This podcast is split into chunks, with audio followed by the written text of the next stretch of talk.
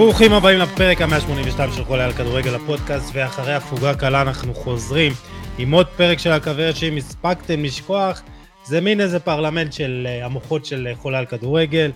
יוני מונפו, גיל כנל ואנוכי יוסי עדני. מה העניינים חברים? התגעגעתם? וואלה מאוד מאוד, כיף לחזור. מיטב המוחות של חולה על כדורגל הפודקאסט. אה, כיף, יאללה בואו בוא נתחיל לדבר. רגע, איזה, עם איזה חולצה אתה עכשיו, אה, גיל? זה אטלנטה, לא? מה זה? זה אטלנטה, אטלנטה, שלא יהיו פה בלבולים או ספקות, לא, לא מדובר באינטר. מדובר בחולצת אטלנטה שהפכה לפיג'מה הביתית שלי. יאללה, מגניב, נראה נוח. אה, יוני, אתה בלי מצלמה כמו תמיד, אף אחד לא יודע, אבל אה, בסדר. אני רואה את גיל עם חולצה אחרת, ואני מנסה לחשוב אם אני מסוגל לשים חולצה אחרת. האמת שהתשובה היא לא. הייתה חולצה ממש יפה של איטליה, שהיה בא לי עליה, אבל אמרתי, אה, לא יכול, לא יכול, לא יכול דבר. למה, יוני, אבל מה, חולצה עכשיו של בלבאו, סתם דוגמה, אתה לא יכול לשים? לא. כן? לא, לא, לא יכול. איזה אוהד אתה. לא, לא יכול, לא יודע. זה רק ריאל, ארגנטינה ומכבי תל אביב כדורסל, אה? את ריבר פלייט יותר חשוב, כן, מכולם, מעל כולם, אבל חוץ ממך ארגנטינה. נכון. אבל אה, בסדר. כן, נראה לי מספיק. טוב, מה העניינים? הכל בסדר, יוני? עייפים מאוד, דובאי הייתה מעניינת, אבל מאוד מעייפת. אה, יאללה, בוא נדבר כדורגל. יאללה, אז אתם אה, זוכרים את הפינות שלנו, או שנזכיר? בוא נתחיל לרוץ, הכל טוב. יאללה, יאללה. אז אה, אנחנו כמובן מתחילים, פינת הפרגון. אה, למי רציתם לפרגן בשבוע האחרון, בחודש האחרון? לא, הרבה זמן לא הקלטנו. גיל, תתחיל אתה. טוב, אני מאוד מאוד רוצה לפרגן לערן זהבי. אמ, אתה יודע, דיברנו הרבה על כל העניין של החדר וכל הדברים האלה שקצת הסיטו ככה את תשומת הלב ממה שהשחקן הזה עושה פה העונה.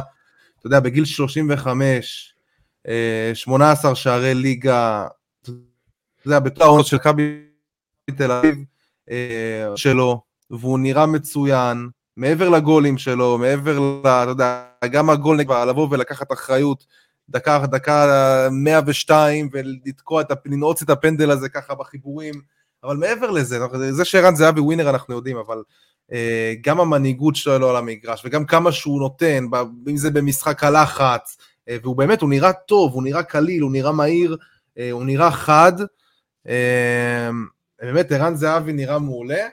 והוא עושה את שלו ביג טיים העונה במכבי תל אביב, אין מה להגיד.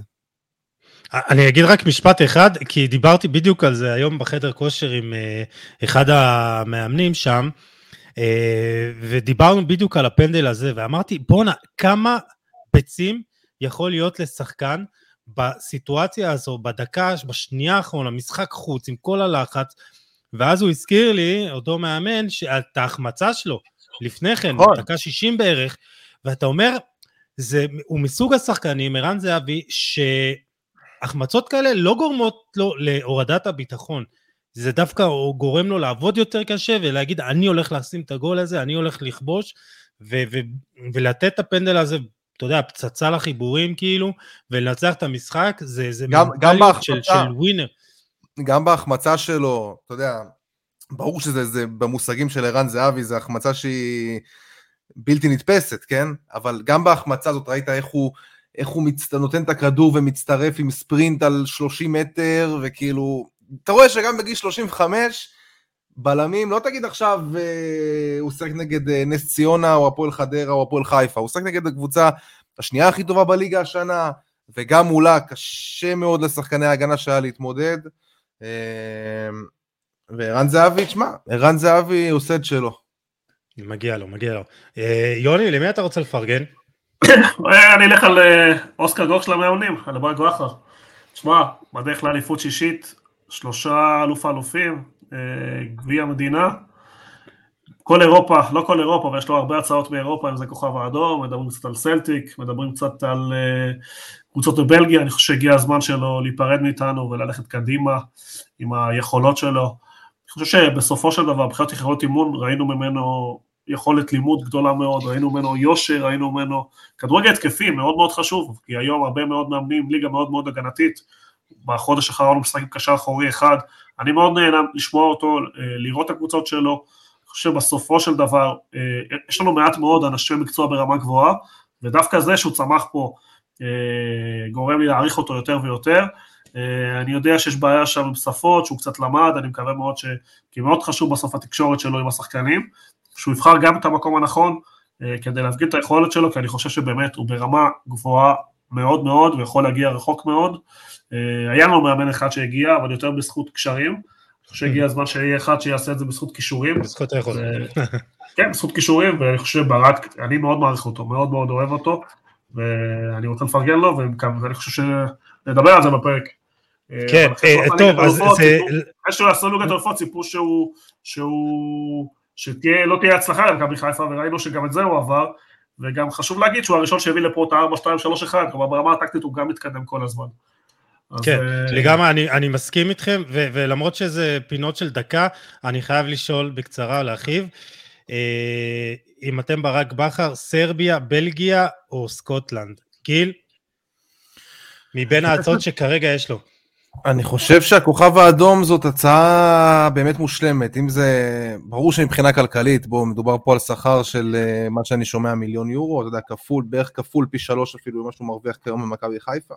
אמ, אבל מעבר לזה, קבוצה שאתה יודע, כבר יש לה כרטיס אה, לשלב בתים בליגת האלופות, והוא יודע שלא משנה מה, הוא הולך לאמן בליגת האלופות, ואליפות זה משהו שהוא צריך גם לעשות שם.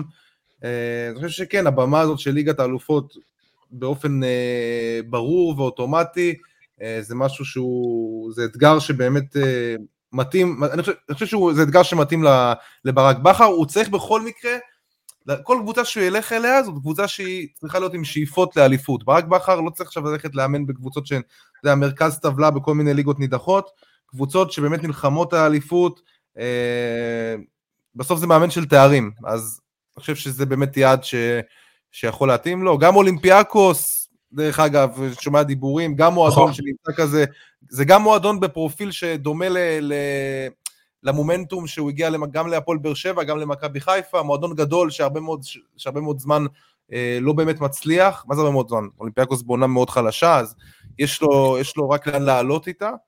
אה, זה, זה כל היעדים. האלה, זה יעדים טובים בשבילו. ו- ומה עם סלטיק? כי הוא הוזכרה גם סלטיק, ואם אני ברק בכר אז אני הולך לשם.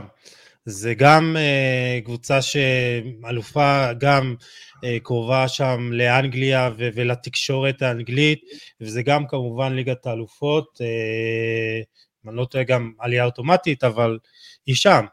Uh, יוני, אתה לא היית הולך לזה? אני חושב שגיל מנתח את זה נכון, אבל אני חייב להגיד שמה שחשוב לו זה שיקבל הצעה, שיכבדו אותו בקטע שהוא גם יקבע מי הצוות שאיתו, לא רק השכר.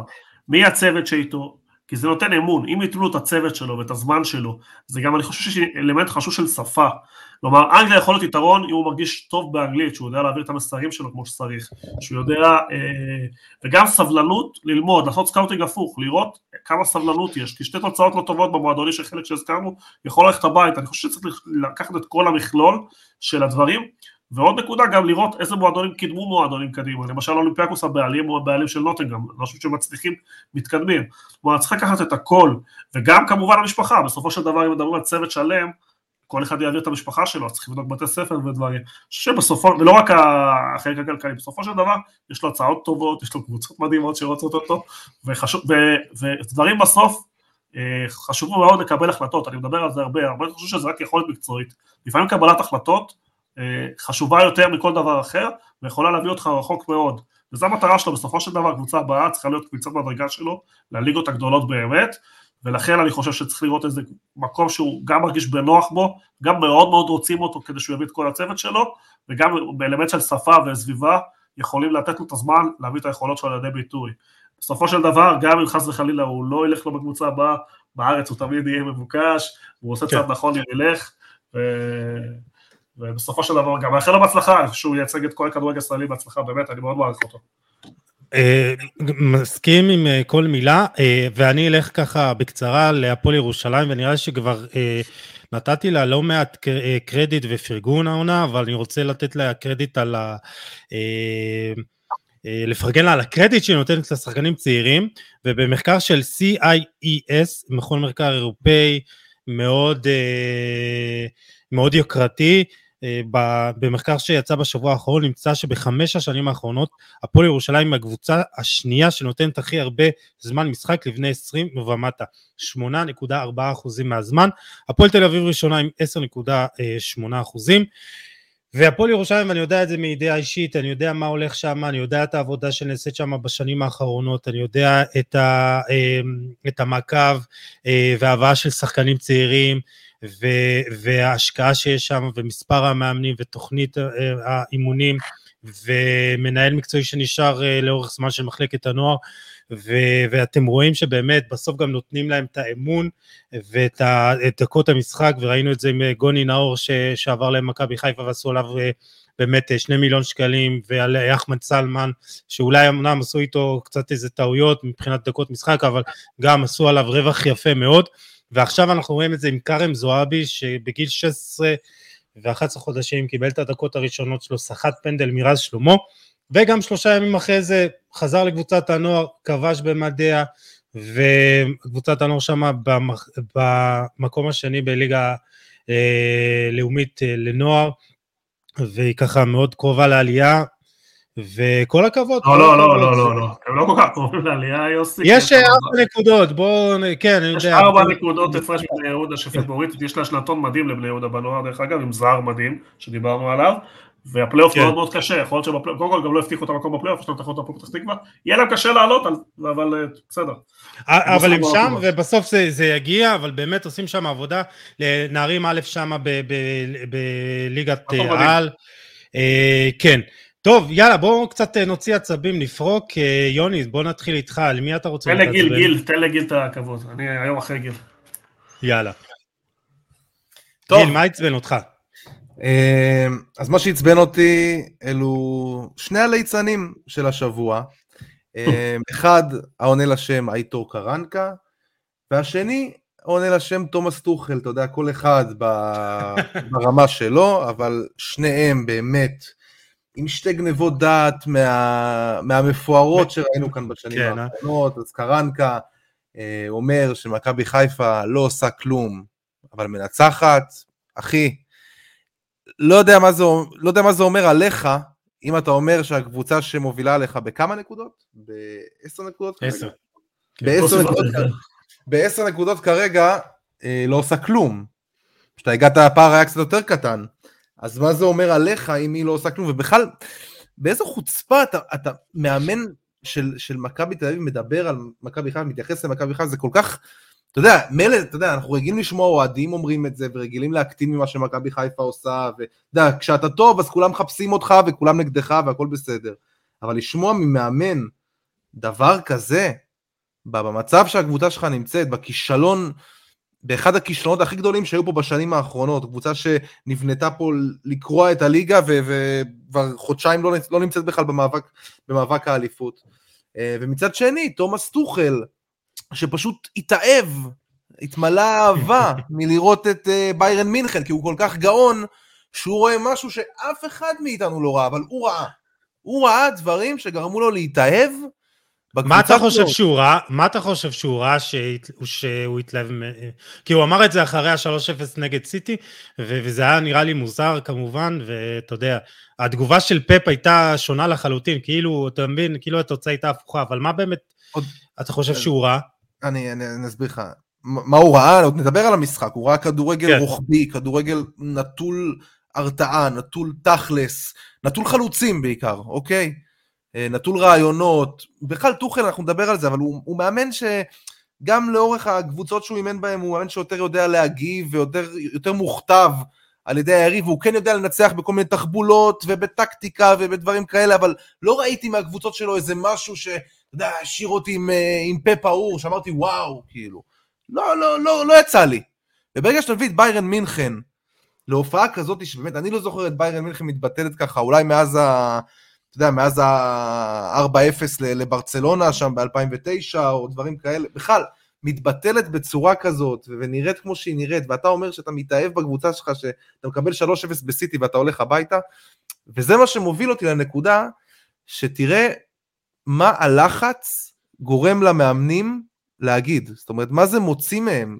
הרצון הזה להגיד משהו, אני לא יודע אולי מאיפה זה נובע, זה נובע מתסכול, זה נובע... זה פשוט רצון לא לתת למראיין שלהם, או למי ששאל אותם את השאלה, את מה שהוא מחפש.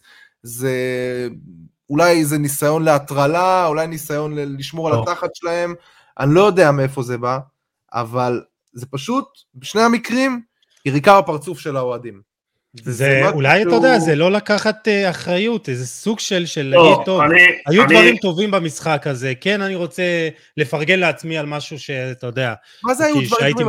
אבל אתה בסוף לא מאמן, יוסי, אתה, אתה לא מאמן uh, עכשיו uh, קבוצת נוער, נוער או ילדים. ביין מינכן לא יכולה להפסיד 3-0, אתה, אתה בסוף מאמן קבוצה תחרותית, את ספינת הדגל של הכדורגל הגרמני, מועדון ענק, עם כל הכבוד למנצ'סטר סיטי.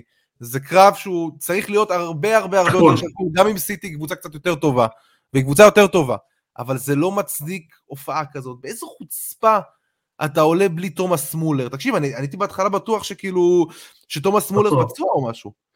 כן, נדבר על זה למה ו...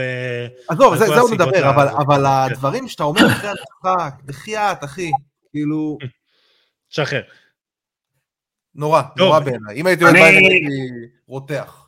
אני קצת אה, רוצה להתייחס למה שגיל אמר. לפעמים צריך להשתמש בתקשורת לכל מיני דברים. יכול להיות, אני פה מעלה השערה, שהוא ישתמש בתקשורת דווקא לאחד את חדר הלבשה, כלומר שהוא ראה שיש בעיות קצת חברתיות בתקופה של נגלסמן, והוא חיפש פה איזושהי דרך כן למצוא איזשהו משהו שיחבר אותם, שיחזיר להם טיפת הגאווה, אני לא אומר שזה הסיבה, אבל תקשורת אפשר להשתמש בה לכל מיני דרכים, אפשר להשתמש בה בקהל, אפשר להשתמש בה נגד היריבה, אפשר לפעמים להעביר מסרים לשחקנים שלך, זה סתם איזושהי השערה שלי, יכול להיות שהוא כיוון אליהם, הוא מנסה לעשות איזשהו משהו שיותר ברמה החברתית ובאחידות של הקבוצה.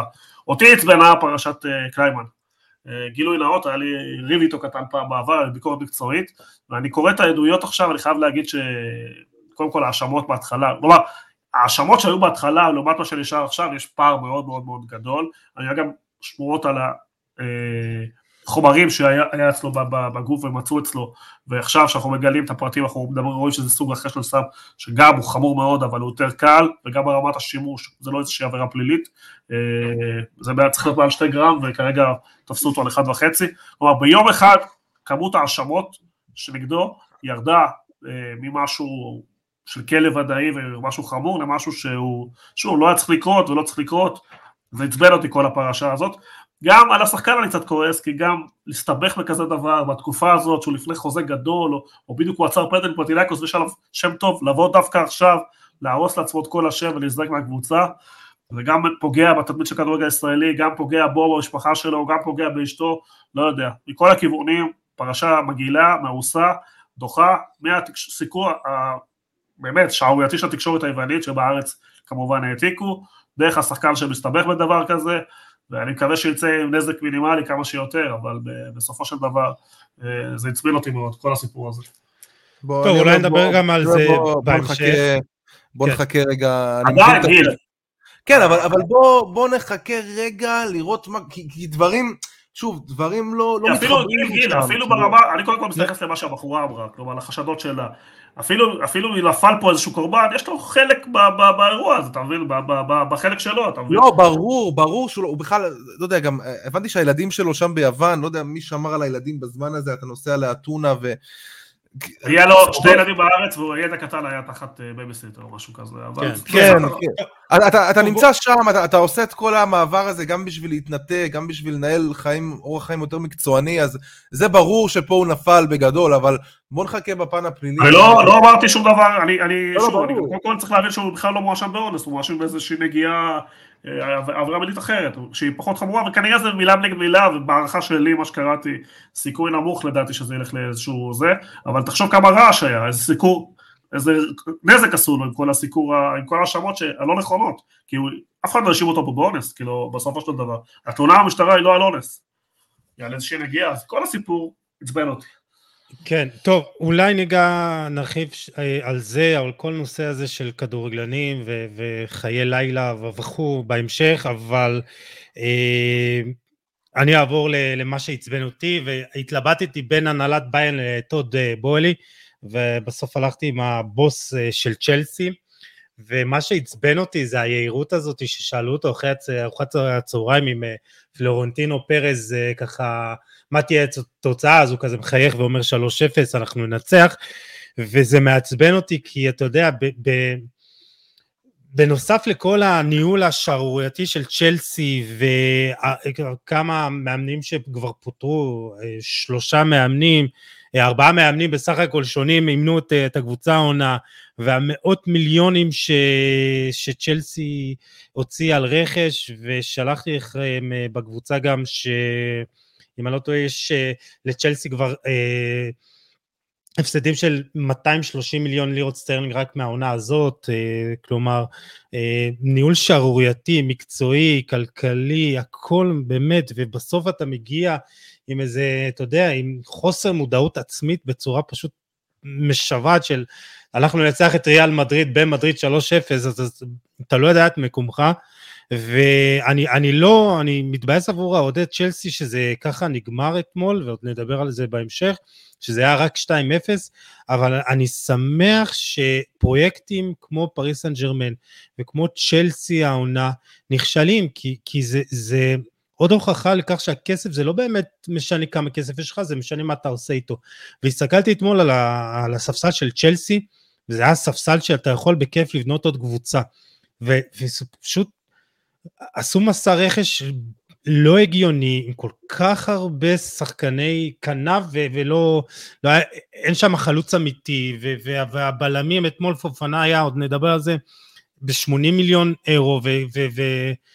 טוב, זה עוד אה, ירושה מהבעלים הקודמים, קפה עם 80, אבל כל כך הרבה רכש, ואיתה נראית, נראית לא טוב, כן?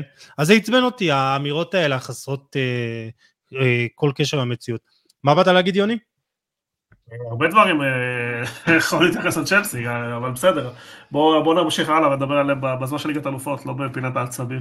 כל מה שאמרת אה, נכון, מעלים לא מודע לעצמו, מעלים לא מודע למסורת של המועדון שלו, מועדון, שלו, הוא לא, הוא לא מודע למה קיים מצפה ממנו, יצא ליצן, זה המשפט. כן, כן. כל הפרויקט שלו נראה ככה. מי מתעסק עם ריאל מדריד, במיוחד בליגת אלפות? טוב, נדבר על זה. אה, וכמו שאמרנו, אנחנו מתחילים אה, עם הנושאים המרכזיים לפרק, אה, נתמקד ברבע גמר ליגת אלפות, נתחיל עם שני המשחקים שהיו ביום שלישי, וכמובן, השלוש אפס המהדהד של מנצ'סטר סיטי נגד ביין מינכן. אני לא יודע מה איתכם, אני קצת הופתעתי מהחד צדדיות במשחק, אה, הזכרת את זה גיל קצת במה עצבן אותך, אה, אתה הופתעת מהחד צדדיות? כאילו חשבת שיהיה משחק הרבה יותר שקול? כן, כן, חד משמעית.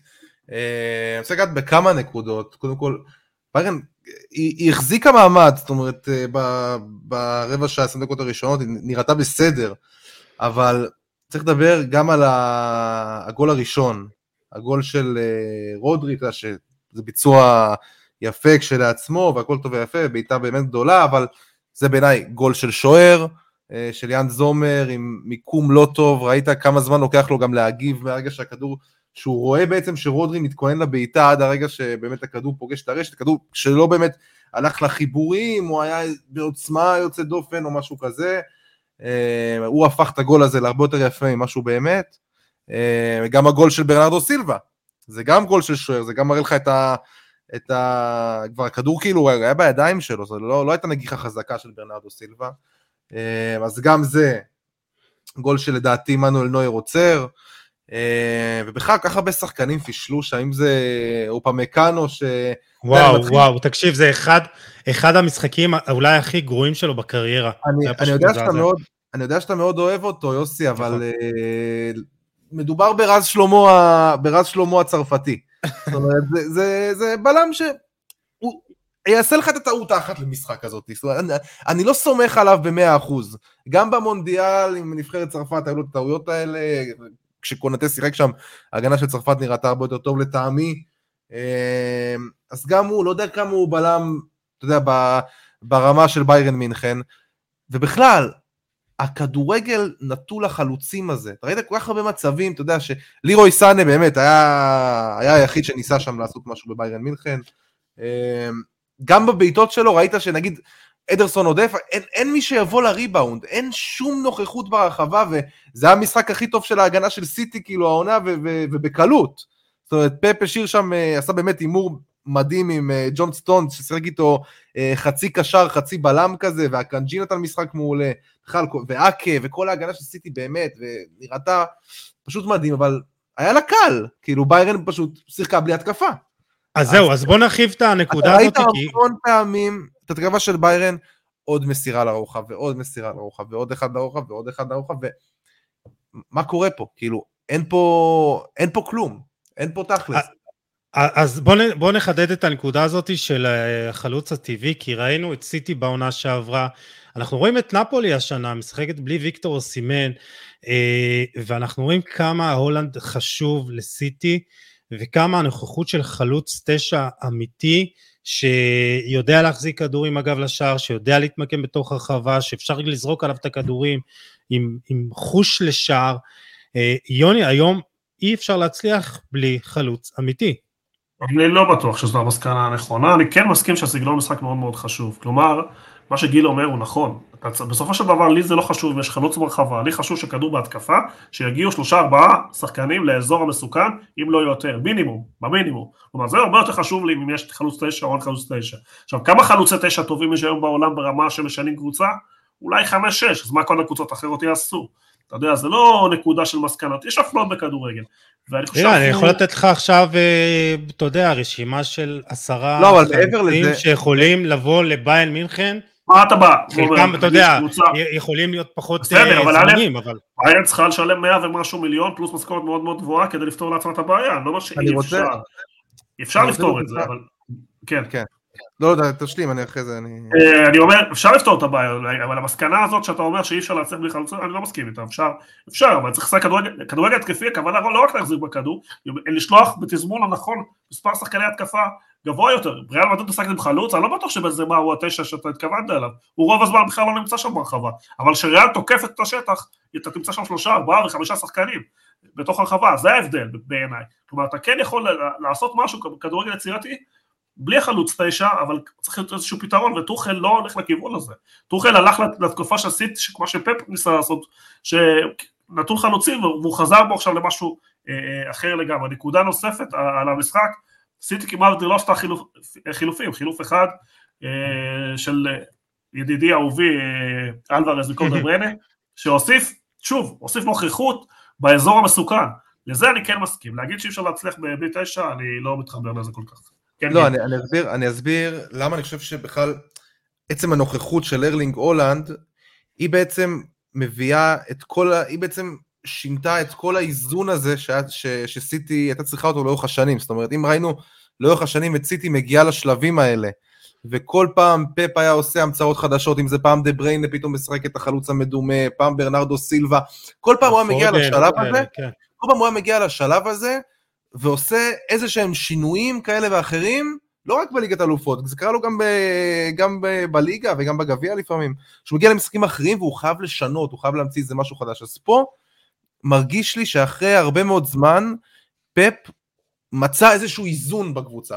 הוא יודע, זאת אומרת, הוא יודע עם מי הוא משחק באמצע, עם דה בריינה מתחת, מתחת לארלינג הולנד, ועם ברנרדו סילבה בצד ימין, ועם, אה, אה ועם גרילי ש, שנראה מדהים, וסוף סוף באמת מצדיק, מתחיל להצדיק ככה את, את המחיר העצום ששילמו עליו, אז אתה רואה אצלי שיש משהו, שיש משהו קבוע, יש משהו, הקבוצה הרבה יותר, ארלינג הולנד מעבר למספרים שהוא מביא, הוא פשוט מאזן את כל המכונה הזאת, זאת אומרת, אתה יודע איפה זה מתחיל ואיפה זה נגמר פחות או יותר, וזאת הסיבה גם לדעתי שהשנה סיטי כן תעשה את זה, וכן תלך עד הסוף, כי היא תגיע מול ריאל בחצי, והיא לא תעשה המצאות חדשות עכשיו, זאת אומרת, אנחנו יודעים מה נקבל עם מצ'סטר סיטי, והיא תבוא לשחק את הכדורגל שלה, וברגע שהיא תשחק את הכדורגל שלה, כבר כמה שנים, אפשר להגיד שאולי, אפשר להגיד שאולי כמעט מאז שפפ הגיע לשם, זאת הקבוצה הכי טובה בעולם. זאת אומרת, אם תעשה עכשיו סופר ליג, לאורך עונה, קח את כל הקבוצות הטובות באירופה, לאורך עונה תעשה ליגה, כנראה שסיטי תיקח.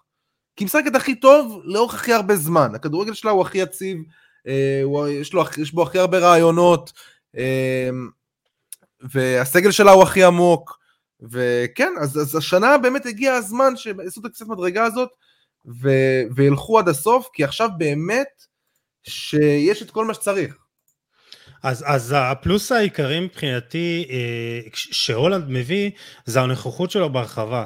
כלומר זה לא רק שאם הכדורים מופנים אליו אז הוא מקבל, אתה יודע, יש יותר אה, סיכוי להבקיע שערים, הוא מושך שחקני הגנה, זה, זה גם תנועה, ראינו את זה בבישול שלו לברנרדו סילבה, הוא מפנה שטחים, הוא, הוא פשוט כאב ראש אחד גדול לבלמים, וזה מה שהוא מביא, וכמובן גם השערים, ואני אמרטי שפפ עוד גם ישדרג אותו מבחינת המשחק רגל, ובוא נגיד ככה, במשחק הזה הרגשתי שהוא, כאילו זה בסדר שהוא, עבורו שהוא לא יהיה מרכז ה... ה החגיגה הזאת, כלומר הוא גם יכול...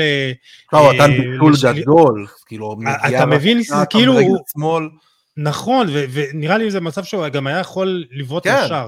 כלומר, הוא, הוא כאילו מבין ש, שהוא יכול להיות גם המבשל, או גם מי שייתן את הפס למבשל. אבל אני, אני באמת רוצה לדבר על סיטי ולהרחיב קצת, כי באמת הרגשתי גם משחק שהוא אה, כמעט מושלם. כלומר, אני לא יודע אם יש לי משהו להגיד רע על איזה שחקן. אה, הזכרת את זה, גיל, ועם אה, ג'ון סטונס. אנחנו כל הזמן מדברים על פפ שהוא מפתיע ושהוא חושב ושהוא כל הזמן מחדש דברים. בואנה, הוא, הוא, המציא תרג... הוא המציא תפקיד חדש, חצי בלם, חצי קשר. בהתקפה ג'ון סטונס נכנס לאמצע, הוא חלק מה build-up לצד רודרי כקשר. כשיש את המעברים אז הוא הופך להיות אה, בלם ואז אקנג'י אה, זז ימינה. וג'ון סטונס עושה את זה נהדר כי גם יש לו משחק רגל טוב והוא גם מהיר והוא גם חזק והוא מתקל ויש לו משחק ראש ושמע זה, זה פשוט כאילו תפקיד חדש בכדורגל. אה, ואתם כל הזמן מפתיע ופפ חידש עם המגן שנכנס לאמצע בבילדאפ. אה, והוא חידש עם מסי את החלוץ המזויף והנה חצי בלם חצי קשר זה, זה פשוט מדהים אה, יוני אה, איך אתה רואה את השינוי הזה? אני רואה אה, הרבה דברים, אני רוצה לדבר קודם כל על סכומי העברות והשיפור שהוא עושה לשחקנים. קח שחקן דוגמה על הקנג'י השוויצרי, ראיתם, הוא הפך למפלצת, אני ראיתי אותו, הרבה אנשים כתבו לי בקבוצות, הוא לא ברמה, הוא, הוא שחקן מדהים, הוא, אף אחד לא ראה את זה קורה, אבל בחודשיים האחרונים הוא בכושר מטורף. אה, לגבי השינויים הטקטית של פפ ועל אהלנד, אני לא יודע אם המילה איזון נכונה, אבל כן היררכיה, יש היררכיה מאוד מאוד ברורה פה, ומי המוציא לפועל, מי השחקנים העיקריים, יש לזה טיפ, טיפה מחיר, תשימו לב שחוץ ממנו, רוב השחקנים נעים שם בין חמישה לארבעה שערים, אין, איזשהו סקנד, uh, uh, אין, אין מוציא לפועל שני, אחריו זה אלוורז עם שבעה שערים, שזה נתון מאוד מאוד נמוך uh, לקבוצה כזאת. כלומר, היא כן הפכה להיות חד-ממדית, אבל בסופו של דבר, ויש בעיה בליגה, שפעם ראשונה בליגה, uh, היא בבעיה שהאליפות אה, היא לא מובילה במאבק הזה ויש לה פער אה, מארסנל כבר הרבה מאוד זמן. עוד נקודה שרציתי להגיד על מה שאמרתם זה על, על, על, על תכף אני אזכר. אה, שוב, בעיניי אבל... כמה, כמה אלמנטים, סליחה, כמה, כמה אלמנטים יש לה גם כדי, כדי לפרוץ, כדי לפרוץ משחקים, אם זה הבעיטה של רודרי מרחוק, זאת אומרת דברים ששחקנים עושים למשל על רודרי, סליחה בדיוק הזכרת לי, על רודרי, כן. הוא ויתר על קשר אחורי בגמר הליגת האלופות שהוא הפסיד, אחד המשחקים נכון. הכי גדולים שהוא פספס, היה שהוא ויתר על קשר אחורי והיום הוא חוזר לזה, זה איזשהו משהו בהיררכיה שהוא סידר, ועוד משהו שאמרת על משחקים שהוא הפסיד, תסתכל שדווקא בליגה, רוב משחקי העונה הוא ניצח, כולל השנה.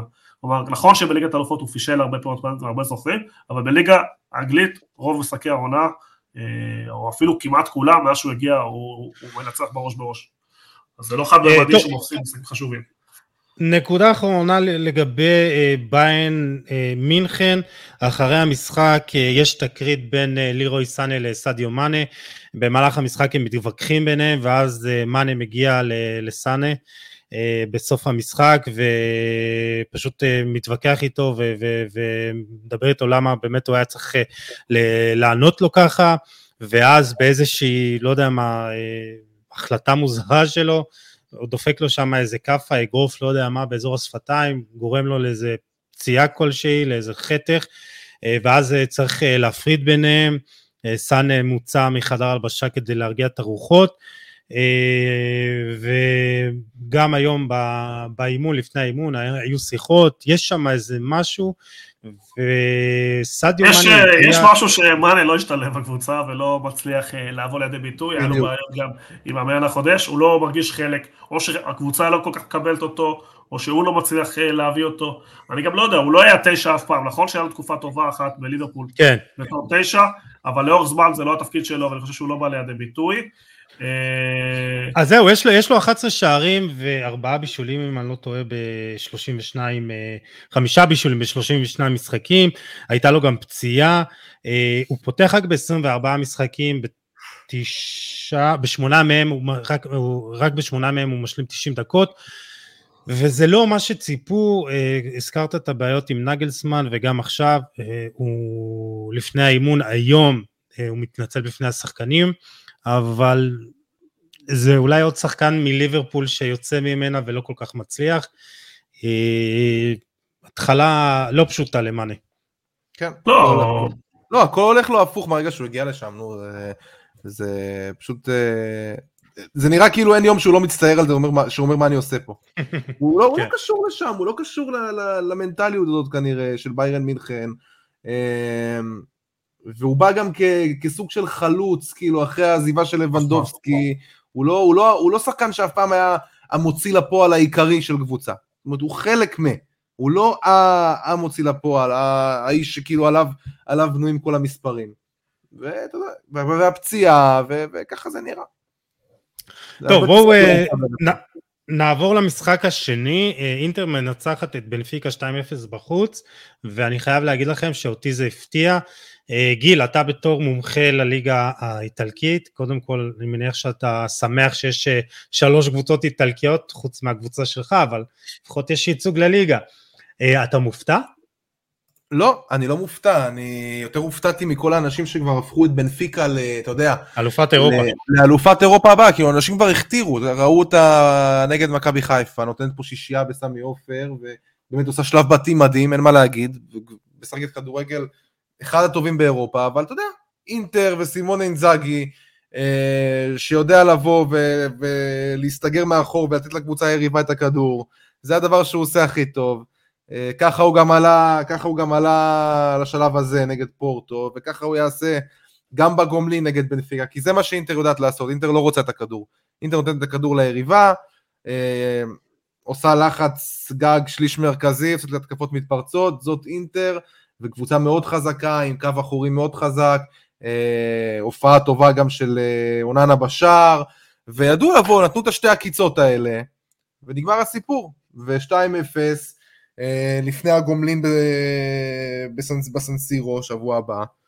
זה, זה נראה גמור, וזה הישג מטורף של אינטר, כאילו לא, להיות, אה, לעלות לחצי גמר.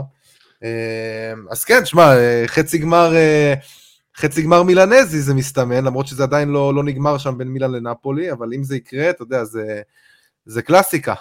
זה משהו, אה, ש- זה משהו שעושה זה- כיף בכלל לראות את הסנסירו בשלב הזה של, של העונה של ליגת האלופות. זה עושה ככה פלשבקים לתקופה שאני לפחות התחלתי לאהוב כדורגל, אתה יודע, מילאן ואינטר וכל האיטלקיות שהיו, שהיו בשיא שלהן, לפני כל הקלצ'ופולי ומה שקרה ב-2006.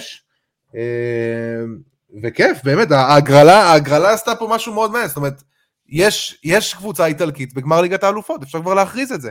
זאת אומרת, אה, אם אנחנו מוצאים את, לוקחים אה, בחשבון שבנפיקה לא תעשה איזה מהפך סנסציוני, אפשר להכריז, יש קבוצה איטלקית בגמר ליגת האלופות, זה משהו, אתה יודע, אני לא חושב שמישהו הימר על זה בכלל בתחילת העונה, ש, שדבר כזה... לא יודע, יכול אתה- אתה הימרת שנפולי תלך עד הסוף, אז אולי זה, נו, אה, לא יעבוד זה בשבילך, אבל אני אני חייב לשאול את יוני, יוני, אתה הופתעת מה... כן, כן, כן, הופתעתי כי אה? אינ- אינ- אינטר הגיע למשחק הזה עם שישה משחקי ליגה בלי, בלי ניצחון, הגיע, עם- לא זוכר אם זה היה שלוש תיקו שלושה הפסדים או ארבעה תיקו שתי הפסדים, אבל הגיע בכושר ירוד מאוד.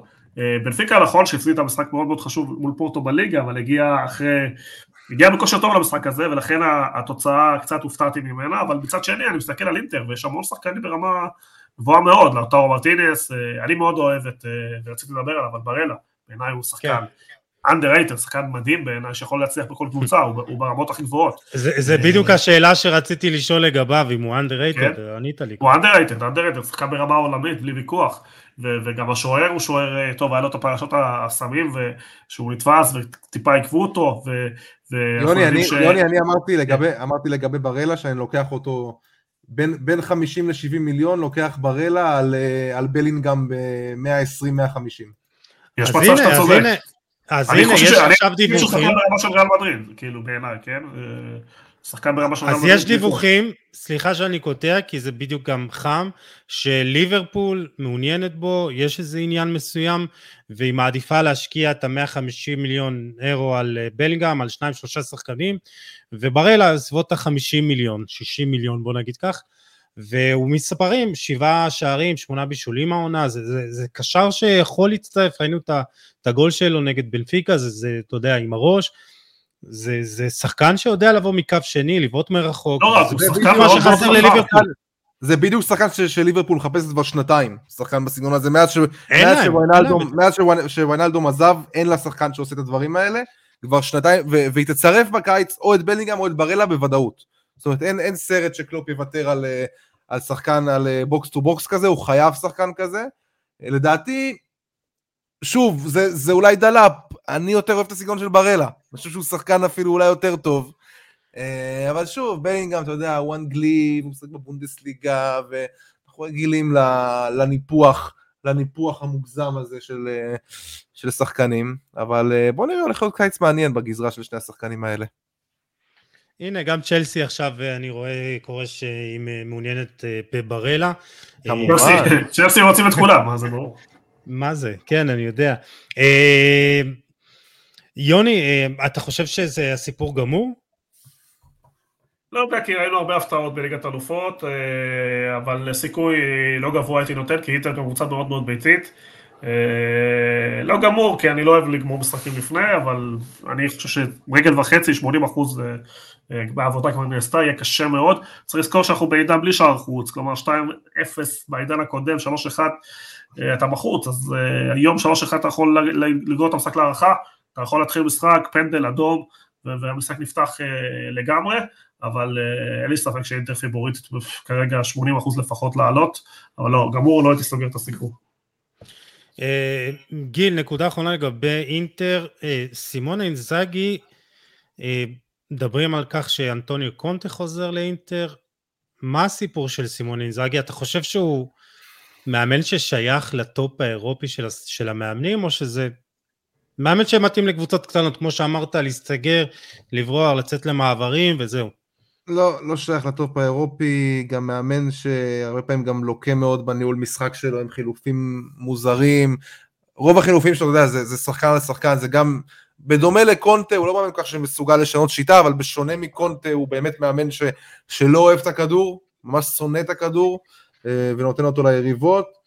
אה, כן, תשמע, להצליח בעונה נקודתית בליגת האלופות זה לא משהו ששם אותך עכשיו אה, ישר בטופ האירופי, בליגה זה כישלון עצום, מקום חמישי, בכלל לא, לא בלופ, לא בלופ של הצמרת, קבוצה שאם תשאל כל אחד באיטליה, יגידו לך, כאילו בתחילת העונה כולם אומרים קודם כל אינטר, כאילו קודם כל אינטר, הכל תלוי בה, כי באמת יש לה את הסגל הכי, הכי עוצמתי והכי חזק, ולהיות מקום חמישי, אתה יודע, כל כך רחוק מהצמרת, אם היא לא עושה 1-4 זה אסון, גיל. אם היא לא עושה ברור, 1-4 מה זה אסון. הוא לא עושה, אם הוא לא עושה מקום רביעי לדעתי, לא- אם הוא לא עושה top 4 לדעתי הוא לא, לא ממשיך, אבל לגבי קונטה באינטר, אה, אני לא חושב שזה כל כך יעבוד, כי קונטה אנחנו יודעים את ה... אנחנו מכירים את הקפריזות שלו ואת הדרישות שלו, ואינטר, אה, המצב הכלכלי שלה הוא לא, לא מי יודע מה, הולכים שם על חיסול, ברוזוביץ' כנראה יעזוב, שקריניאר עוזב אה, כבר בוודאות, אז זאת הולכת להיות קבוצה קצת שונה בק, ב, בעונה הבאה, אז לא יודע כמה הוא יקבל את כל מה שהוא יבקש. אה, קונטה מאמן ש, שיש לו דרישות, ולא יודע כמה זה יעבוד הפרק ב', הפרק ב' הזה שלהם ביחד. אה, טוב חברים, יאללה בואו נתקדם לריאל מדריד צ'לסי, אתמול זה נגמר רק 2-0, לפי דעתי אה, גם המספרים, ריאל מדריד עם XG של 2.82 אם אני לא טועה, זה היה יכול להיגמר אה, אה, יותר, ובואו נתחיל איתך, יוני, אתה... קודם כל אני חייב להגיד ש... כן, קודם כל צ'לסי פתחו חזק, רבע שעה ראשונה היו טיפה יותר טובים, אבל הגיעו גם לכמה מצבים, צריך לזכור שקורטואה לקח 2-3 כדורים ברמה גבוהה מאוד, אה, לכן אני מסכים שריאל הייתה הרבה יותר טובה, הרבה יותר איכותית, ולקח טיפה זמן להיכנס למשחק, דווקא ביום לא טוב של לוקה מודריץ', אני חושב שריאל הייתה טובה. כן, הוא איבד שם כמה כדורים אה, בשלוש האחרון. כן. לא אופייני, הוא היה פחות טוב, לא היה במשחק. אני חושב שסביוס אולי היה צריך להיכנס טיפה לפני, אבל בסוף אה, החילוף של אסנסיו הביא את השער השני, אז גם קרלו פה... ריאל בסוף קבוצה הרבה יותר טובה, קבוצה הרבה יותר מחוברת, אני חושב שיש הבדלי גישה, ודיברתי על זה הרבה פעמים איתכם, ואמרתי לכם, בסוף הסבלנות הזאת, האמונה בסגל, השחקנים האלה יבואו בכושר טוב למשחקים החשובים, וראינו אתמול יכולת מדהימה של קרוס, ש... ש... באמת, עשה משחק מדהים, אה, בן זמה חוזר לעצמו אה, אחרי כל הפציעות בפרשת הנבחרת, אה, צריך לדבר על ויניסיוס, אמר אתמול, הוא היה מדהים, אמרת, אמרת אתה ש, שגוטי, האם גוט, גוטי אמר שהוא שחקן יותר טוב מ-MVP, אז אני לא חושב שהוא שחקן יותר טוב מ-MVP, אבל יש לי שאלה, מי שחקן יוצר יותר טוב? מי שחקן שיוצר יותר אירועים? כלומר, אם אתה מביא אותו עכשיו מול קו הגנה לבד, אצל מי עדיף שיהיה הכדור? אצלו אצל מבפה, ואני אומר לכם שאני חושב שוויניסיוס, ויניסיוס. יכול לפרק הגנות, יכול לפרק קווים, מבפה הוא שחקן יותר טוב, כי בסוף אה, מול השער הוא רוצח, וויניסיוס אה, שיפר המון את היכולת שלו, ומביא שערים, מביא הכל, אבל הוא לא מבפה, הוא לא ברמה שלו, אבל אם אתה לוקח כדור עכשיו מול הגנה, ואתה אומר, קח דריבל תייצר, לדעתי ויניסיוס יתרון היום, עליו בטח, וכמעט על כל שחקן בעולם, באופן טבעי הוא גם השחקן בגלל המהירות שלו אה, הכי טוב למעברים, כלומר אם אנחנו משחקים טיפה קדימה על הגובלין, איך צ'לסי תצליח לתקוף אה, ולהצליח לשמור אה, קו הגנה גבוה מול שחקן כזה, זה כמעט בלתי אפשרי. אה, משחק טוב של ריאל, יכל להיגמר יותר. צ'לסי באמת היו חלשים מאוד ברוב שלבי דקות המשחק. רואים שיש הרבה שחקנים טובים, אבל אין שם סדר. מה שקורה בהגנה עם השחקנים שהם קנו זה פשוט שערורייה, אתה עובר שחקן שחקן מהשוער, דרך אופנה, דרך 60-80 מיליון. קוקריה. קוקריה רציתי להגיד שהוא, שהוא, שהוא שוב, הוא שחקן סביר, הוא שחקן לברייטון, הוא שחקן אולי מחליף לקבוצה גדולה, אבל לא שחקן... ולא היית משלם עליו 65.3. לא, לא הייתי משלם גם חצי, כי, כי בסוף בקבוצות כאלה לתפוס שחקן שהוא לא שחקן בטופ זה סתם תופס מקום, זה סתם מיותר, אתה מבין? הטעויות שהם עושים הם, הם, הם, הם, אה, קשה לתקן אותם, איך אתה צריך להיפטר ממנו, מי עכשיו יקנה אותו וישלם לו שכר דומה, אתה מבין, הם תקועים עם המון שחקנים שאני לא יודע מה יהיה איתם. היה את הדיון שלנו על השחקן האוקראיני, שאני אמרתי, רגע, שילמו עליו, יש לנו שחקנים לא פחות טובים, אמרתם שהוא עדיין בלי שער לדעתי. אה, זה נראה רע מאוד, אני לא רואה איך אפשר לתקן את מה שהם עושים, כי הם ממשיכים להשתולל, אתה רואה שכל שחקן בשוק טיפה פנוי, ישר הוא מקושר לצ'לסי ומשלם עליו סכום מטורף. אז אה, אני גם לא יודע איך זה עובד. תראו מי ישב על הספסל אתמול בצ'לסי, יוני. אה, כן. מרק קוקורייה, קאי האברץ, קונר גלגר, מייסון מאונט, אדוארד מנדי, אספיליקואטה, מודריק, לופטוס-צ'יק, זכריה, זייש, פוליסיץ', וה... אתה יודע מה משותף לזה ולפריס סן ג'רמן? כל כך הרבה שחקנים טובים גודלים בלונדון, כל כך הרבה שחקנים טובים גדלו בצ'לסי והם שחררו אותה. יכולת לייצור פה קבוצה עם זהות אמיתית, צ'לסית אמיתית, בלי הרבה... נכון, כי יש לה, יש לה אקדמיה פנטסטית. כן, אבל הם מוכרים את כולם בגרושים, והם היו שחקנים שלא בטוח שחלקם, לא, לא כולם, יותר טובים. הם איבדו כיוון בכלל. הבחור החדש שהגיע, הבעלים החדש, שוב, הוא כנראה, דסקל קרא לו טיפש, אני לא חושב שהוא טיפש, כי הוא בן אדם בכל זאת מיליארדר, אבל בכדורגל אין לו מושג, אה, זה לא הולך לכיוון טוב, וחבל, כי תחת רומן אברמוביץ' שהם היו קבוצה צמרת, תמיד איימו על הצ'מפיונס, תמיד איימו על ליגת אלופות, ברור שלא זכו בהרבה, בהכל. מי, כי, מי כי מנהל, אבל מי מנהל את ה... השאלה שלי זה מי מנהל את העסק הזה מקצועית, כי כאילו הביאו עכשיו את למפרד שהוא סוג של תגובה עד סוף העונה, אז כאילו מי לוקח, אין, אין, אנחנו לא יודעים על איזשהו מנהל מקצועי דומיננטי, מי לוקח את ההחלטות שם? זה נראה שהבעלים לוקח את ההחלטות, זה ככה זה נראה. הבעלים האמריקאי שאין לו מושג בכדורגל הוא זה שמחליט איזה שחקנים להחתים? כנראה שהוא מקבל המלצות, והוא לא עושה חשבון על המחיר. אגב, הוא לא חושב על תוכנית יציאה, איך אפשר עכשיו למכור את השחקנים האלה? עכשיו, כולם יודעים שזה. סלח לי, זה שכונה, יוני. ברור שזה שכונה, ברור שזה שכונה, ברור שזה שכונה. בואנה, הם הרגו מותג, זה קבוצה 1, 4, כמה, 15 שנה רצוף תחת אומרמן, הם כרגע מקום 10-11, זה אפילו לא כישלון כמו אינטר, זה ריסוק של המועדון. אני אגיד לכם עוד... רגע, היחידים פה שיכול לתת תחושה זה גיל, אבל, אבל כי יובי ירדה מצמרת לי, אבל, אבל פה הורידו להם 15 נקודות אה, על שולחן הירוק, פה, פה במגרש הם הורידו להם לעצמם 15 נקודות, שזה הזוי, אתה מבין? אה, אני גם לא רואה איך מתקנים את זה. הם צריכים למכור פה עשרה שחקנים לפני שבכלל מתחילים לחשוב על איך לסדר, ומי ייקח את השחקנים עכשיו עם החוזים המטורפים האלה. כל חוזה עכשיו, הם יצטרכו לשלם כסף גם להיפטר מרוב השחקנים שם. אה, אה, הזכרתי מקודם את הסכום העצום של ההפסדים, אבל אני רוצה לקחת אתכם דווקא לנקודה אגב, עוד, נקודה, תסתכל איך קריסטנסן מצליח בברצלונה, רודיגר אולי לא שחקן הרכב, אבל הוא הרבה יותר טוב ממה שיש להם שם. כלומר, יכלו בשדרוגים קטנים של שכר, וגם עם מאונט נכנסים איתו, שהוא יכול להיות סמל, הבן אדם בישל שער בכל נכון. ליגת אלופות, במקום להפוך אותו לסמל ולפנים של המועדון. גדל במועדון. ריסקו את הסמל שלהם. בריאל אחד נכון. כזה עשר שנים משחק, בלי לדבר בכלל. אני רוצה לקחת אותם לנקודה מקצועית לגבי המשחק. אני לא הבנתי את ההחלטה של פרנק למפרד לפתוח עם חמישה שחקני הגנה עם שלושה בלמים, כשיש לך חלוץ גם, חלוץ כמו בן זמה ש... אה, לא נמצא ברחבה.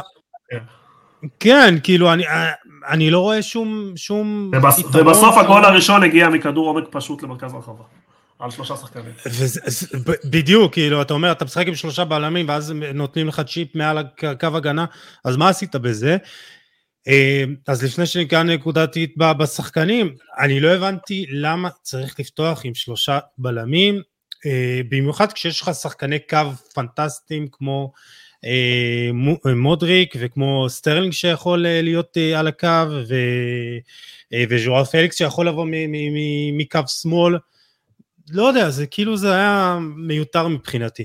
לא הבנתי למה זה קורה. כן, מישהו רוצה... אני חושב, אני מסכים שאתה... אני מסכים לא, שאתה...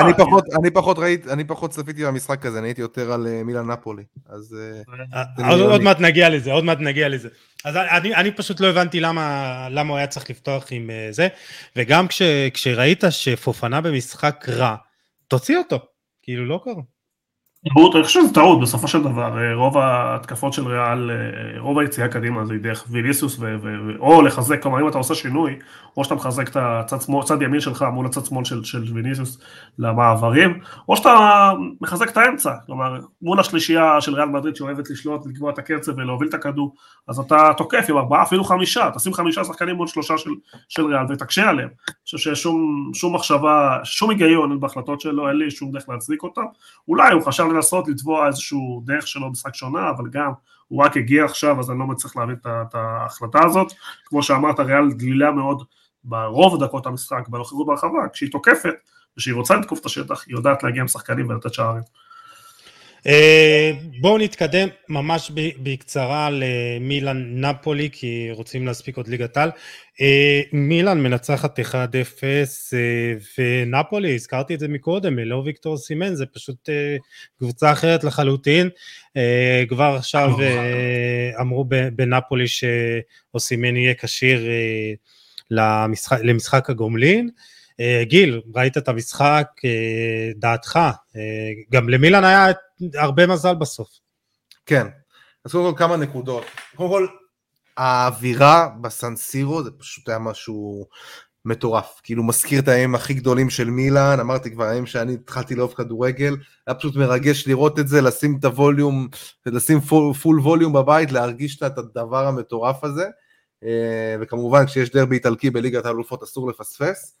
אמ, מילאן נפולי, קרב ענק, גם, גם, מבחינה, גם מבחינה היסטורית, זה בעצם היה קרב כל שנות ה-80, 90 שם באיטליה, הדרום והצפון. אה, במשחק הזה, אה, פיולי נתן אה, נוקאוט לספלטי, זאת אומרת החיסרון של אוסימן גרם לספלטי ללכת על איזשהו הימור כזה שהוא פתח עם אלמאס, עם אליף אלמאס חלוץ מדומה, ואני הייתי בטוח, כשהייתי הרכב לפני המשחק, הייתי בטוח שאולי ספלטי ישנה פה קצת מהשיטה, זאת אומרת, אולי אה, דווקא ילך טיפה יותר אחורה ויחכה למילן וייתן לה את הכדור, ומילן קבוצה שהיא כן, היא מתקשה בלייצר, זאת אומרת, היא לא, היא לא קבוצה שטובה כל כך בלייצר, והופתעתי באמת שנפולי לקחה את השליטה מההתחלה, וכבר היה שם לחץ מאוד מאוד כבד במאה הדקות הראשונות אה, של נפולי, שמילן צריכה לשרוד אותו בזכות מייק מניאן. זאת אומרת, נתן שם הופעה מהדקה הראשונה לדקה האחרונה עם הצלות פשוט מטורפות, אינסטינקטים שאתה אומר, אני, אני לא, באמת לא חושב שיש כמה שוער יותר טוב ממנו בכדורגל העולמי, ממייק מניאן. עד כדי כך? כן, כן, כן, הוא לדעתי אה, כיום השוער הטוב בעולם. אחרי אה, טיבו קורטואר אני אסכים, כן.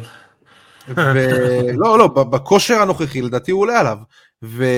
ודווקא מילאן בסוף הייתה זו שנתנה את הגול במעבר. זאת אומרת, מילאן קיבלה מנפולי את מה שהיא, את מה שהיא רוצה, אה, ובראים דיאז, שזה גם עוד אחד מהשחקנים שסטפנו פיולי, צריכים להבין שסטפנו פיולי זה בן אדם שמבחינתי לבנות פסל שלו בס...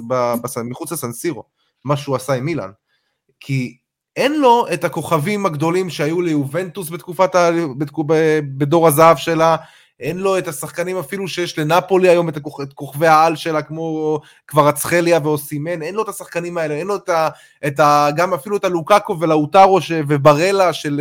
של אינטר, של קונטה, אין לו את השחקנים האלה, אין לו קבוצה של כוכבים. גם רפאל לאהו, אתה יודע שכולם מסתכלים עליו ואומרים, אתה יודע, קוראים לו סופרסטאר, אבל גם המספרים שלו, לא, הוא עדיין טיפה טיפה בוסרי. זאת אומרת, גם הוא שחקן שחווה, אתה רואה תוך כדי תנועה את ההתקדמות שהוא חווה תחת סטפנו פיולי. זאת אומרת, אין לסטפנו פיולו. פיולי שחקנים אה, כוכבים בקבוצה הזאת. זו קבוצה שהיא קודם כל אה, בצלמו של המאמן הזה, אה, עם שחקנים שם שעשו התקדמות אדירה, אם זה קלבריה, אם זה דיאס, אה, אם זה בנאסר, אה, אם זה, זה, זה שחקנים באמת ש, שעשו התקדמות מטורפת תחת סטפנו פיולי, והעונה אומנם בליגה היא לא מוצלחת, כן? מילאן עדיין צריכה להבטיח את המקום הרביעי, ואף, בוא, גם אף קבוצה בכל מקרה לא הייתה מצליחה להתמודד עם הקצב סבירת נקודות של נפולי השנה, שזה משהו חריג, אבל עצם זה שהוא הביא אליפות, עצם זה שהקבוצה הזאת נמצאת בעמדה מאוד מאוד טובה לעלות לחצי גמר ליגת האלופות, אחרי שהיא לא הייתה במעמד הזה מ-2007, זה פשוט מטורף, החזיר את הקבוצה הזאת להיות רלוונטית, ויש לה יתרון מאוד גדול לקראת הגומלין, לא רק בגלל ה-1-0, גם בגלל שנפולי איבדה את אנגיסה בכרטיס אדום, וגם קימה בלם. זהו, אז זה, זה יהיה... זה מאוד מאוד משמעותי, מאוד משמעותי, כי הרבה מאוד מהתבנית התקפה של נפולי, היא בנויה על, ה, על הבריחות האלה של אנגיסה לצד ימין, שזה קשר שהוא באמת, הוא נמצא בעונה מטורפת, אנגיסה. זה יהיה לנפולי מאוד מאוד קשה, גם בלי קים, גם בלי אנגיסה, או סימן, בואו נראה איך הוא יחזור, באיזה כושר הוא יחזור.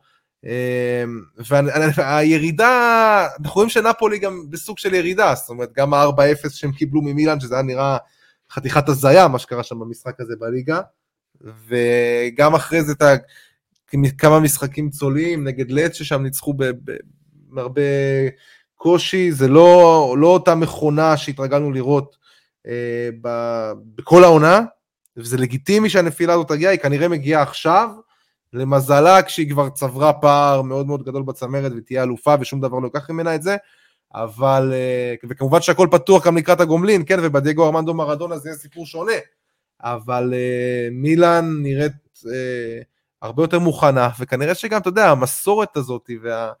לא יעזור, זה, אין, אין לזה באמת הסבר, אין לזה באמת הסבר מקצועי, למה שאני אגיד פה עכשיו, אבל כאילו אתה רואה שבליגת האלופות פעם אחר פעם, השמות הגדולים כן משחקים. זאת אומרת, שאתה מגיע כמילאן וכריאל מדריד, ואתה רואה שהקבוצות האלה עם המסורת במפעל הזה, משהו, משהו שונה באוויר, אני לא יודע איך להסביר את זה, וזה מה שהרגיש אתמול בסנסירו, זה הרגיש שלא משנה מה, מילאן לוקחת את המשחק. אז יוני, ככה נקודה אחרונה לגבי זה, כן, הדבר שאני רוצה... איזה משחק נראה בגומלין? קודם כל אני חושב שהמשחק יהיה הפוך לגמרי, כי יש פה אלמנט של ביתיות, אני חושב שהקהל במילאן היה נתן הצגה אדירה, וזה ההבדל העיקרי, את השחקנים רואים את, ה, את הדבר הזה, את, את זה, נכנסים לאיזשהו טירוף ונותנים לעצמם אה, קצת יותר, וזה מה שקרה אתמול אה, למילאן, יהיה משחק שונה לגמרי, אני חושב שהכל פתוח, היתרון הוא שברירי, הוא סימן מאוד מאוד משמעותי אה, בנאפול, כי מוציא לפועל, כי הם חייבים שערים, שוב, אין פה יתרון, אין פה שער חוץ, אז, אז אתה יכול גם 2-1 לגרור את המשחק להערכה, הכל פתוח, אני חושב שהמשחק פה 50-50 לגומלין. טוב, בואו נתקדם ככה זריז לקצת ליגת העל שלנו, רצינו להרחיב טיפה יותר, אבל נצמצם קצת בשיח. מכבי חיפה מגדילה את הפער לשמונה נקודות, היא מנצחת במשחק שכאילו תמיד יש לי תחושה שבסוף היא תנצח, כאילו האיכות תכריע ועומר אצילי יבוא וייתן את הגול וכשיש לך את דיה סבא בסוף הגול יגיע והיא באמת בהצגה מנצחת את נתניה 4-1 והפועל באר שבע מפסידה בבית 2-1 למכבי תל אביב, דיברנו על הפנדל של אה, ערן זהבי. מחזור הבא, אה, יום שבת חיפה חוזרת לטדי נגד אה, הפועל ירושלים, במשחק הראשון היא הפסידה שם 3-0, ככה באמצע ליגת האלופות, זה באמת היה אחד, אולי המשחק הכי טוב של הפועל ירושלים העונה. אה, מכבי תל אביב מארחת את אשדוד, ונתניה מארחת את באר שבע ביום שני, אה, שמונה נקודות הפרש מהפועל באר שבע, עשר ממכבי תל אביב. גיל כנל, האם הסיפור גמור ואפשר להכריז על אליפות שלישית ברציפות? הסיפור גמור, מכבי חיפה אלופה בפעם השלישית ברציפות, אפשר כבר לברך, אפשר כבר לסגור, לחתום, מה שתרצה, שום דבר לא ייקח, אין שום כוח בעולם שייקח ממכבי חיפה את האליפות, ואני רוצה לדבר על כמה דברים. אה, אז נוטים ככה, אתה יודע, להחמיר עם מכבי חיפה, וכל אה, עשר דקות, רבע שעה של מכבי חיפה זה אה, הדבר הכי, הכי נורא שנראה אי פעם בכדורגל. אז בואו נשים רגע דברים בפרופורציות. נגד מכבי נתניה, מכבי חיפה פתחה את המשחק מדהים. עד הגול של מכבי נתניה, מכבי חיפה הייתה צריכה לכבוש שניים שלושה שערים במשחק הזה. כאילו עד, עד הגול של מכבי, עד, עד הגול של מכבי נתניה, שבאמת הגיע בהתקפה הראשונה, ואז באמת ראינו איזושהי ירידה במכבי חיפה, באמת כאילו קצת איבדו את הראש השחקנים שם אה, עד המחצית, ובאמת גם נתניה ניצלה את זה והגיעה עוד לכמה מצבים, והייתה יכולה גם אה, להגדיל תוצאה, אבל מחצית שנייה, במחצית, ברק בכר גם אמר אחרי המשחק, אמרתי לשחקנים, חבר'ה, תירגעו, צחקו כמו ששיחקתם עד הגול, שיחקתם מדהים, יש שם החמצה של דיה סבא, שזה היה חייב להיות 1-0, נדבר גם על דיה סבא שהוא קצת מאכזב מבחינת המספרים שלו, אבל הוא עושה באמת עבודה אדירה במגרש, זאת אומרת גם בלחץ שלו, אה, וגם הוא מחלץ כדורים, הוא עושה המון המון המון עבודה, אבל מכבי חיפה, מחצית שנייה, עם כל הכלים ההתקפיים שלה, וראית את הלחץ הזה, והגול השני של אצילי, שזה אולי הגול הכי כיפי שאפשר לתת בכדורגל, זאת אומרת, הגול הזה ש... שנו, נו, נו, שאתה שומע כאילו כמה פעמים את הקהל כבר מחזיק, אה, אה, שואג שם, ובסוף הכדור נכנס, ומשם כבר באמת אי אפשר היה לעצור את מכבי חיפה מחצית שנייה אה, הכי טובה שלה, לדעתי, מאז, אה, מאז החזרה מפגרת הקורונה. אה, בקורונה אני אומר, פגרת המונדיאל. וזהו, אפשר לברך על המוגמר, אליפות שלישית ברצף, השושלת הכי גדולה שהייתה פה, הכי מפוארת שהייתה פה, הקבוצה, הקבוצה, אה, הקבוצה הכי הישגית, אה, הקבוצה הספציפית הכי הישגית שהייתה בכדורגל הישראלי, זה, זה שוב, בעיניי מדובר בעובדות, כי כשאתה רואה קבוצה שבעונה של צ'מפיונס ליג, גם עושה צ'מפיונס ליג, גם עושה אליפות שלישית ברציפות, זה משהו אה, שעוד לא היה, וגם אני לוקח בחשבון את היריבות שהיו לה. היא באה פה בעונה שמכבי תל אביב והפועל באר שבע אמרו, אנחנו הולכות פה על כל הקופה, והנחיתו פה שחקנים, והוציאו הרבה מאוד כסף, ומכבי חיפה בסוף אה, עושה את זה, ועושה את זה אפילו אליפות קלה. זאת אומרת, אפילו אליפות שכמו שאנחנו רואים את זה עכשיו, אם זה באמת, אם היא לא תאבד נקודות, זה יוכרע כבר שני משחקים לסיום. זה משהו שאתה יודע, כולנו אמרנו הולך להיות פה קרב מעולה,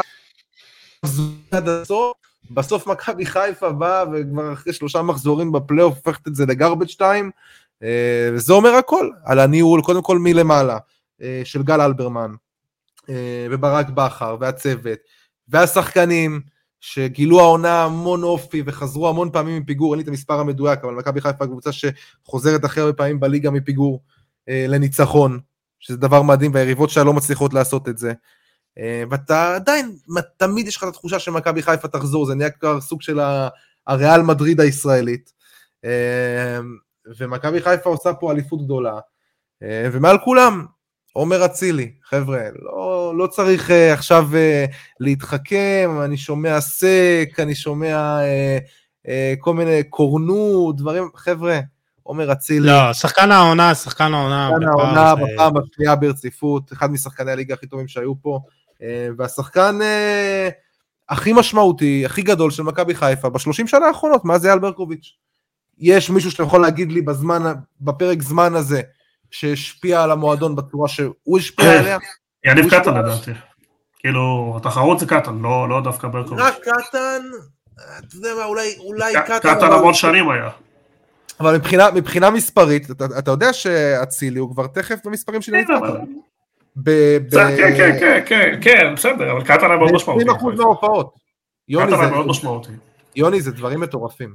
יוני זה... קטן היה מאוד משמעותי בחיפה, הדבר היחידי שאציליק שינה את הנרטיב פה, שינה את כל הסיפור של המועדון, ויחד עם המגרש המטורף הזה וההשקעה, זה הפך להיות מפלצת, באמת. אה, נו, ומכבי חיפה, עוד נתון שהוא דמיוני, מפלצתי, נקרא לזה איך שאתה רוצה. 46 נקודות מ-48 בבית. יוסי, יש דברים כאלה? איבדה לאורך כל העונה בליגה שתי נקודות בבית.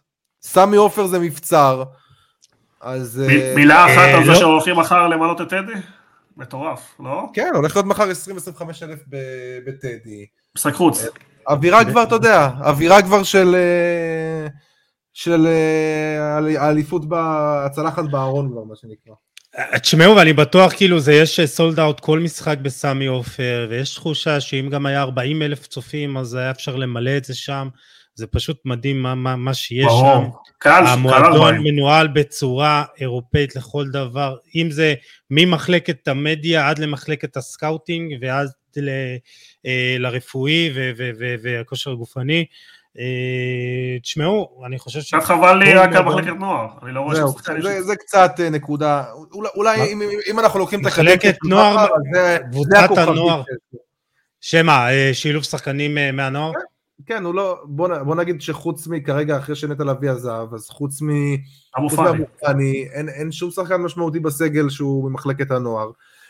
אבל שוב, אנחנו רואים את הדברים האלה גם באירופה, כאילו, בוא, גם בשנים שיובנטוס הצליחה, אני לא זוכר איזה שחקן שצמח מלמטה ובאמת היה... אתה- יודע, בסוף, בסוף ככה, בסוף ככה זה עובד כנראה, אה, אבל למרות שמכבי חיפה כן יכולה וצריכה להצמיח עוד שחקנים, אבל אה, שוב, זה נתת על כל הצפון. כן. רגע, יוני, אתה. מסכים- יוני, אתה מסכים איתי שזאת השושלת הכי גדולה שהייתה פה? פה בדיוק, בתוך שכרגע אמרת, חשבתי אולי באר שבע, אבל אז באר שבע לא עשתה ליגת אלופות, ואמרתי אולי מכבי תל אביב, כי עשתה שלוש אליפויות, ואז העפילה. אומרים לי כאילו היא לא, הטיעון שאומרים לי, כאילו היא לא עשתה דאבל או טראבל.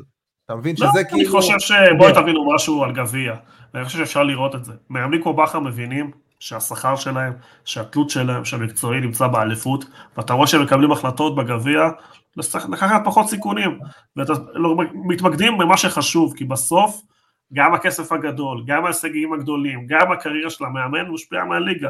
הגביע בהמון מקומות, ומצטער בפני אנשים, הפך להיות פחות פחות חשוב, כי בסופו של דבר העבודה של המאמן, העבודה המקצועית של המועדון, תלויים בליגה ולא בגביע, ואני מצטער להגיד את זה. זה הפך להיות מאוד מאוד נפוץ, שהרבה מאמנים עולים הרכבים שונים בגביע, אני יודע שיש כאלה שלא אוהבים את זה, אבל זו המציאות וצריך להתרגל אליה. אנחנו בעידן של יותר מדי משחקים, שצריך לתעדף דברים, ואנשים חכמים מתעדפים את הליגה, כי שם הפרנסה שלהם ושם העתיד של המועדון נמצא. יוני, גם אומרים רואים לי, אני אני אומר, גם אומרים לי, תמיד הטיעון הזה של הליגה חלשה. לא, אז- לא, זה לא נכון, איך- זה תמיד אותו דבר, אותה ליגה, אותה ליגה תמיד. איך אומרים הליגה חלשה? אני, זה אפילו לא אותה ליגה. רגע, כשמכבי תל אביב זכתה פה בשלוש אליפויות רצופות, עם אה, אוסקר סוזה ו... ו... עמוד. אותו דבר, עמוד אותו דבר, זה סתם... לא, אבל מי, מי היו היריבות שלה? מי היו היריבות שלה לתואר? לא הייתה לה קבוצה קנדידטית לאליפות, כמו שיש לחיפה השנה את מכבי תל אביב והפועל באר שבע. לא היה לה קבוצה כזאת. זאת אומרת, כל פעם אתה ראית קבוצה אחרת במקום שני, הייתה שם, אם אני לא טועה, אה, הייתה עונה אחת באר שבע, עונה אחת קריית שמונה, זאת אומרת, זה רק התחיל שם כל הפרויקט בבאר שבע, זה עדיין לא, זה היה מאוד בוסר. גם מכבי תל אביב בשתי אליפות עם איביץ'. אתה יודע, עונת הליג- 18-19, עונה אולי... הליגה היא אותה. ליגה, הגיל. הגיל, ואם אתה רוצה יחסיות, אתה אתה רואה את היחסיות באירופה, שהם הצליחו לעשות לא, אני מדבר איתך על הצמרת. אני מדבר- איתך על הצמרת. ברמת הצמרת לא היו יריבות לתואר. מכבי חיפה התמודדה פה שלוש שנים עם קבוצות שבכיף היו יכול- היו יכולות לקחת אליפות. בכיף. כאילו גם הפועל באר שבע, גם מכבי תל אביב. יש להם סגלים אדירים בעיניי. מסכים, כן, השנה ברור- הייתה. ברור שחסר דברים, ברור שזה עדיין לא 100%, אבל כן יש להם סגלים מצוינים בשביל להתמודד על האליפות, ואני אומר, וואלה, מכבי חיפה בו, מול סגלים כאלה, מול תקציבים כאלה, בעונה של צ'מפיונס ליג, עושה אליפות שישית ברצף, ומבטיחה אותה גם כנראה שני מחזורים לסיום העונה, אם לא יותר. זה חסר תקדים, מסכים איתך, אני לא אוהב את הניסיונות האלה לגמד אה, אנשים, בטח לא אלופים. אי אפשר, אי אפשר לנהל דיון ענייני כש, כשעם אנשים שרק מנסים להקטין את היריבות, בדיוק. אי אפשר, אי אפשר. צריך לפרגן, אה, צריך לפרגן. אה, אז בוא נגיד ככה שלכל, למישהו שכבר נעול ויש לו דעה מוקדמת גם יגיד שלמכבי חיפה העונה היה חודש פגרה ואז זה, זה עזוב, ירד לא מהעומסים, רציני. זה תמיד לא יהיה, נו. לא, אבל אני אומר. יוסי, אני גם, אני שמעתי את הטיעונים האלה, וגם עניתי לאנשים בטוויטר שכתבו לי את זה, אמרתי להם, ה- ה- התקופה הרעה של מכבי חיפה, מתי היא הגיעה? היא הגיעה אחרי הפגרה הרי. כמו זה לא כולם, אחרי. המונדיאל. אז זה אחרי המונדיאל, זה לא ש... זה לא שהפגרה עכשיו כאילו גרמה להם שוב להטיל מצברים מחדש וחזרו ודרסו את כל הליגה, לא, הם נראו רע מאוד אחרי הפגרה. דווקא הפגרה עשתה להם פחות טוב, והם הצליחו להתגבר על המשבר הזה תוך כדי תנועה. אמ, וזה, אתה יודע, בסוף זה טיעונים שסתם, שבאים להקטין מקבוצה שבאמת עושה פה דברים מטורפים, ואני מבין שהיא לא הכי אהובה, והיא לא הכי אה, פופולרית, ואולי שחקנים שם לא עוברים ל, לכל מיני אנשים בגרון, אבל אה, מבחינה מקצועית, אין מה לדבר, אה, אחת האלופות הכי גדולות שהיו פה. אה, טוב, אה, בקצרה, אה, דקה, שתיים, ואנחנו מסיימים. דלאפ שלך, גיל, אמרת, אתה רוצה, יש לך משהו כן, שלא אמרת? יאללה, לי לך על זה. יש לי דלאפ שאני אפילו, אני, אני יודע שהוא דלאפ, אבל בעיניי הוא לא צריך להיות דלאפ בכלל. אני חושב שאם אה, ארלינג הולנד מוביל את מנצ'סטר סיטי אה, לזכייה בליגת האלופות, בטח ובטח אם בסוף גם יזכו בפרמייר ליג, אה, ועם המספרים שהוא נותן, וכמובן שהוא יזכה בנעל הזהב והכל, הוא צריך לזכות בכדור הזהב, עם כל הכבוד אה, למונדיאל של מסי, מסי זכה במונדיאל, הוא זכה בשחקן המונדיאל, הכל בסדר. בסוף אתה לא מעניק את הפרס הזה על טורניר של שבעה משחקים, אתה מעניק אותו על משהו שהוא לאורך עונה שלמה, שנה שלמה, ובשנה הזאת, זו השנה של ארלינג הולנד. כאילו, הוא השחקן שעושה את תפקידו אה, בצורה הכי טובה בכדורגל העולמי, המספרים שלו זה, זה משהו חריג, אה, איך שהוא שדרג את סיטי זה משהו יוצא דופן, והוא חייב לזכות בכדור הזהב, חבר'ה, כאילו, אני לא מבין את הקטע הזה, את הטיעון הזה שאוקיי, מסי זכה במונדיאל, אז זה שלו. לא, ארלינג הולנד עושה דברים מדהימים, ומגיע לו את הפרס הזה. יוני, יש לך? לפני הכל אני חולק על גיל, כמובן, אה, בתור אה, ארגנטינאי, חולק בתוקף. כן, יש לי, נפולי עושה גמר, אה, ולא עוברת את מילאן ומגיעה לגמר. אה, יאללה, אני אזרום איתכם. המומנטום יחזור לעצמו, כלומר יש שינוי מומנטום. אני אזרום איתכם. אני חייב להודות באופן אישי שחשבתי רבות על דלאפ ולא הגעתי. גיל, תעשה לי סוף השידור אה, קורס, אה, קורס. מזורז. כן, איך מגיעים לדלאפים. אה, יוני, יש לך איזה המלצה בשבילנו? וואי? לא, לא חושב שהמלצתי על הסרט של ארגנטינה בפיפ"א, הזכייה במונדיאל, יש כל מיני דברים שם מאחורי הקלעים שממש ממש כיף לראות אותם. אה, פיפ"א פלוס, דיברנו על זה בעבר, שספרייה של פיפ"א מצלמת דברים, חומרים שחיכיתי לראות אותם. אה, ציפיתי קצת ליותר, אבל עדיין היה כל מיני דברים מעניינים, כולל הפרשה של הבובו ותעוף מפה שהראו אה, צילומים מאחורי הקלעים, איך הגיעו בכלל לסיטואציה הזאת. סרט אה, יפה, מומלץ הצפייה, בטח לארגנטינאי כמוני, שהגשים חלום אה, ילדות רחוק. זה יצא לפני שבועיים, אבל לא היה לפרק מאז, אז חובה, סרט חובה לכל חובב כדורגל. טוב חברים, פה אנחנו מסיימים בנקודה זו. גיל כנל, יוני מונפו, נעמתם לי מאוד אחרי פגרה ארוכה. ונקווה שנמשיך אה, ליהנות מעוד... אה, רציתי לזרוק של- מילה על איזי שירצקי שעצבן אותי השבוע, אבל נדבר פעם הבאה, כי בטח הוא יספק לנו גם שבוע הבא סיבות לדבר עליו.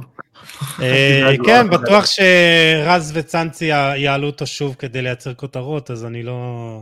לא דואג. אל תדאג, זה יקרה. כן, זה יקרה. היה- היה מועמד בכיר לפרשת עצבן השבוע, עד שהגיע בוריס, אבל בסדר.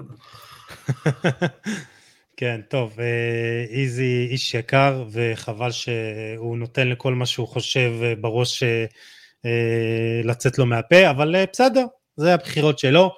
גיל כנל, יוני מונפו, תודה רבה לכם, נעמתם לי מאוד. תודה, תודה, היה כיף. ואנחנו ניפרד אה, מכם, מאזינים ומאזינות, אה, תודה שהייתם איתנו, כמו תמיד, תשתפו את הפרק, תפ... אה, ת... תשתפו לחברים בכל הרשתות, וואטסאפים וכדומה, תשלחו פידבקים, ואנחנו ניפגש בפרק הבא עם עוד תוכן מעניין ואיכותי, תשמרו על עצמכם, יאללה, ביי.